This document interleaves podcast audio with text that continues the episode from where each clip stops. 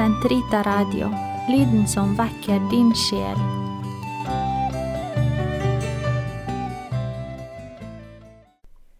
Som hjorten lengter etter rinnende bekker, slik lengter min sjel etter deg, min Gud. Min sjel tørster etter den levende Gud. Når kan jeg tre frem for Hans åsyn? Hvis du lytter til denne podkasten, så antar jeg også at du har skjønt hva som ligger i disse ordene fra Salme 42. Jeg antar at du har gått noen runder med deg selv, med prioriteringer, og med Gud. Kanskje har du klaget til Gud, kanskje tviler du, kanskje er du forvirret over at følelser av andakt og nærhet til Gud kommer og går. Kanskje tenker du på å sette av tid til ham, men merker at hverdagen tar over, at du utsetter og utsetter. At du med Paulus vet at du ikke kan møte Herren ansikt til ansikt før i himmelen og derfor bruker det som unnskyldning til ikke å prøve å ha kontakt med ham mens du lever her på jorden. Paulus skriver, Nå ser vi i et speil, i en gåte. Da skal vi se ansikt til ansikt. Nå forstår jeg stykkevis. Da skal jeg erkjenne fullt ut, slik Gud kjenner meg fullt ut så er det jo nettopp denne stykkevise gudserfaringen som er så viktig for våre trosliv. Den som vi først og fremst får gjennom Guds ord, liturgien og i sakramentene, men som kan utdypes og utvides og virkeliggjøres på en radikal måte gjennom et mer forpliktende bønneliv. Ønsker du inspirasjon til å ta din lengsel på alvor? til å ta din dype menneskelighet på alvor? For vi er jo alle skapt i Guds bilde, og våre liv er å virkeliggjøre dette. La Guds bilde vise seg i våre liv. La Hans lys skinne gjennom oss til våre omgivelser. Karmelittisk spiritualitet går gjerne de to milene ekstra med Herren. Nonnene lever, med den treenige Gud på et dypt åndelig og mystisk plan.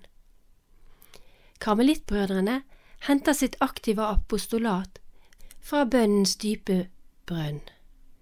Men et forpliktende bønneliv er ikke forbeholdt klostrene. Det er fullt mulig å tilpasse regelmessig bønn i et familieliv. Men det krever prioritering, sortering og det som Therese av Avila så betegnende kaller besluttsom besluttsomhet. Denne serien er til deg som ønsker inspirasjon, kanskje litt provokasjon, for å gå videre, for å ta steget inn i det umulige. Mitt navn er Anne Samuelsen, og jeg er medlem av Karmels sekularorden, vil si lekordenen, og for tiden opplæringsleder der. Den norske legorden, som heter Profeten Elias fraternitet, har karmelittbrødrene i Sverige som åndelig hjem, og også nær kontakt med de kontemplative nonnene i klosteret Totus Tous i Tromsø. Nettopp fordi Karmelorden er en kontemplativ orden, hvis hovedoppgave er bønn, det vil si vennskapet med Jesus, så tror jeg at den har noe å si til mennesker i dag som lengter etter dette vennskapet, dette intime forholdet til sin Herre og Mester. Jeg håper at du som lytter skal finne næring i noen av disse rike fruktene fra Karmels hage. La oss starte med å be sammen. Kom, Hellige Ånd, fyll dine troendes hjerter og tenn i dem din kjærlighetsild. Du som gjennom de mangfoldige tungemal samlet alle folkeslag til troens enhet. Send ut din ånd, og alt skal bli omskapt, og du fornyer jordens åsyn. La oss be. Gud, du har opplyst de troendes hjerter ved Den hellige ånd. Gi oss at vi ved din ånd kan glede oss over det som er rett, og alltid bli lykkelige ved Hans trøst, ved Kristus vår Herre. Amen. Det er denne bønnen karmelittene ber når de skal sette seg ned i stillhet og indre bønn. Hvilken viktig og vakre introduksjon er ikke dem, denne gamle kirkens bønn? Som Paulus i sitt åttende kapittel i brevet til romerne påpeker, går vi ofte til bønnen, vel vitende at vi verken kan be eller hvordan vi skal be, men likevel i fullkommen tillit fordi Ånden, ifølge Paulus, kommer oss til hjelp i vår svakhet. Han fortsetter. For vi vet ikke hva vi skal be om for å be rett, men Ånden selv går i forbund for oss med sukk uten ord. Og Han som gransker hjertene, vet hva Ånden vil, for Ånden ber for de hellige etter Guds vilje. Denne bønnen til Den hellige ånd forteller oss også at ingen som ber, ber alene. Selv om vi sitter i vårt kammer, er bønnen aldri kun mellom Gud og meg. Bønn bedt i ånden er alltid kirkens bønn, og også alltid en bønn for våre medmennesker, hvor enn de befinner seg. Ikke minst forteller denne bønnen at vår bønn skal bevirke troens utbredelse og utdypelse på jorden. Fordi våre lengtende hjerter er lett antennelige for Helligåndens gnister, for ikke å snakke om flamme. Om vi så bare er et lite blaff i mørket av fra en fyrstikk, kan den sette andre forberedte hjerter i brann. Gud er den som ber i oss. Vår oppgave er å la Han gjøre det at vi setter av den tiden som trengs, og utsetter oss for Hans lys, og ikke gjennom våre egne viljer og prosjekter ender opp i en selvforskyldt skygge. Til sist, når vi holder oss så intimt og nær vår Herre, er det heller ikke umulig at vi skal oppleve gode og lykkelige stunder og få trøst. Mange som henvender seg til karmelittene, har opplevd noe slikt, til dels veldig sterkt. Noen blir kanskje skuffet når de så finner ut at et livslangt bønneliv også kan være både tørt og mørkt og krevende. De lengter så intenst tilbake til dette nybegynnerstadiet, der Gud viste seg så tydelig for dem og ba dem om å følge ham. Men Gud gir sine gaver etter eget forgodtbefinnende. De svake trenger mye trøst om å få det for å holde ut. De sterke kan han lede ut i ørkenen og styrke dem for et liv der, i forening med Kristus på korset. Livet kan fare så hardt med den som ber, at Gud kan synes helt borte i våre livs mørke netter. Derfor er det så utrolig viktig allerede før vi ber at vi vet at Gud ikke er der primært for å gi oss en god opplevelse, men for å frelse sitt folk og gjøre oss i stand til å være Hans redskap. Vi ber fordi vi elsker Gud og vil være med ham, ikke fordi vi vil ha noe fra ham. Og her må jeg selvsagt lage en lang parentes som omhandler forbønn. Den har selvsagt en stor og helt legitim plass i et bønneliv.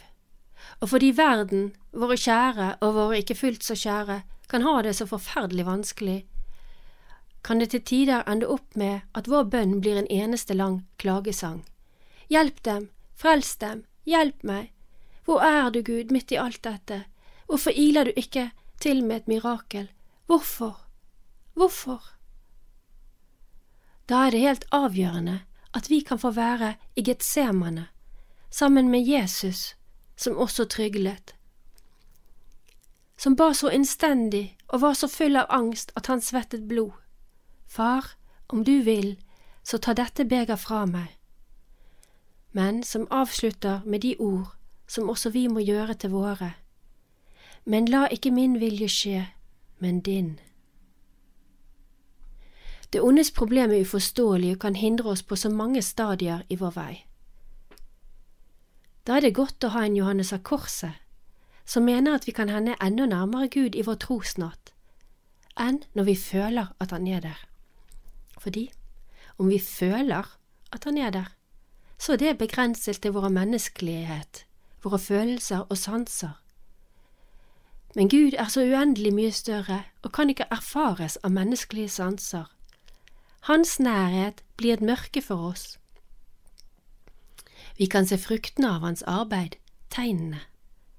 Hvor vakre tegn finner vi ikke når en mor, som har mistet sitt barn, hjelper andre mødre som har erfart det samme. Når en som har sittet i et forferdelig fangehull, ber for og kanskje omvender sine fangevoktere. Se deg rundt. Gud har strødd sine nådebevis på din vei. Naturen glitrer av Guds skjønnhet. Mennesker lyser i Hans nåde. Her slutter parentesen, og vi går tilbake til noen ord om bønn skrevet av en som bare skrev om ting hun selv hadde opplevd. Det er ordene til Therese av Avila, de uskodde karmelittenes mor og reformator, som opplevde alle stadier frem til åndelig, det åndelige ekteskapet med sin Gud, også visjoner og ekstaser. Men hun visste at bønnen alltid var den samme, at målet med å sette seg ned i bønn aldri var noe annet enn å omgås i vennskap og tale ofte og lenge i ensomhet med den som vi vet elsker oss. Sitatet er for øvrig hentet fra hennes selvbiografi, Boken opp mitt liv, som varmt anbefales. Det som er så utrolig godt med Teresa, er at hun vet akkurat hvordan det er å være slik som meg. Hun lever et liv blant mennesker der distraksjoner og oppgaver er så påtrengende at de forstendig kan fortrenge det liv i bønn som jeg har påbegynt. Hun levde selv full av distraksjoner i inkarnasjonsklosteret i over 20 år, før hun skjønte at hun sviktet sin Jesus, som bedrøvet måtte se at hun forsømte det bønneliv hun hadde påbegynt, og som hun hatt som, burde hatt som nonne. Hennes store omvendelse du kan for øvrig lese om den i kapittel ni i boken om hennes liv, førte til opprettelsen av Den uskodde karmelittordenen. Noen fra 1500-tallet snakker til meg i dag, med et språk jeg kan forstå. I sin selvbiografi sier hun videre. Det som jeg har erfart, kan jeg tale om, og det er den som har og det er at den som har begynt å be, aldri må slutte med det, uansett de synder han begår, for bønnen er det middel som kan hjelpe ham til å forbedre seg. Hun ønsker av hele sitt hjerte å få meg til å forstå hvor godt det er å være sammen med Kristus i bønn. Hun sier, Jeg forstår ikke, min skaper, hvorfor ikke alle mennesker streber etter å komme deg nær i så selsomt vennskap. De onde som er vesensforskjellige fra deg, behøver bare å tåle ditt nærvær et par timer om dagen for at du skal gjøre dem gode, selv om de ikke er deg, men tumler med tusenvis av verdslige tanker og bekymringer, slik jeg gjorde. For Teresa har all lykke, alle åndelige gaver, all fremgang på troens vei, sitt utgangspunkt i bønnen. Hun skriver jeg vil bare si at når det gjelder de store nådegaver Han har gitt meg, er det bønnen som er porten. Er den lukket, forstår jeg ikke hvordan Han skulle kunne gi meg noe som helst. For selv om Han vil tre inn i sjelen for å frydes ved den, liksom sjelen frydes ved ham, er det ingen vei han kan komme inn, for han vil at sjelen skal være alene og ren og ivrig etter å ta imot hans gaver. og elsker vi ennå ikke Herren slik vi kunne gjort det, så gir det oss kanskje ekstra ønske om å bli bedre kjent med ham. Nå som smittesituasjonen hindrer mange av oss fra å motta kirkens sakramenter regelmessig ved å gå i kirken, blir det ekstra tid til å lære Herren å kjenne gjennom Hans ord. Finn frem din bibel og tre inn i Guds evige kjærlighet og glede. Trenger du litt drahjelp til å nærme deg Guds ord, er den ikke langt unna. Sankt Olav Forlag har nemlig gitt ut et meget innholdsrik liten bok, skrevet av Carl Gørvin sammen med broder Joel Regnard fra Munkeby Mariakloster. Den heter Lexio Divina langsom, interaktiv bibellesning. Den er så liten og lett at du kan bære den med deg i jakkelommen, og så innholdstung og fyldig at du skulle ha nok impulser til et helt liv med drøvtynging av Guds ord.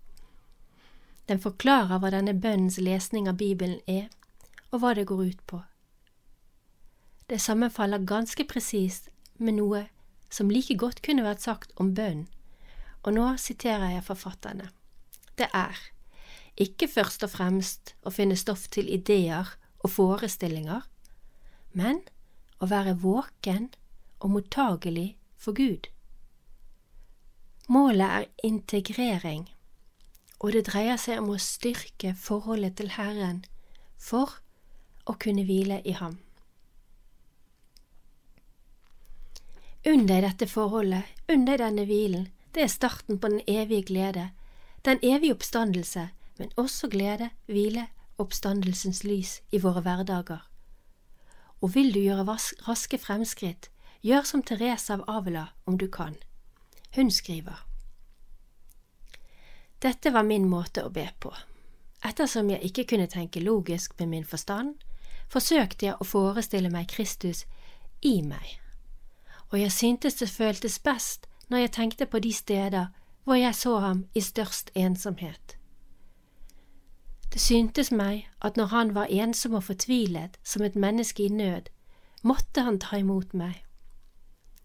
Slike enkle bilder forestilte jeg meg ofte, særlig gjorde det meg godt å tenke på bønnen i haven. Der ville jeg være sammen med ham.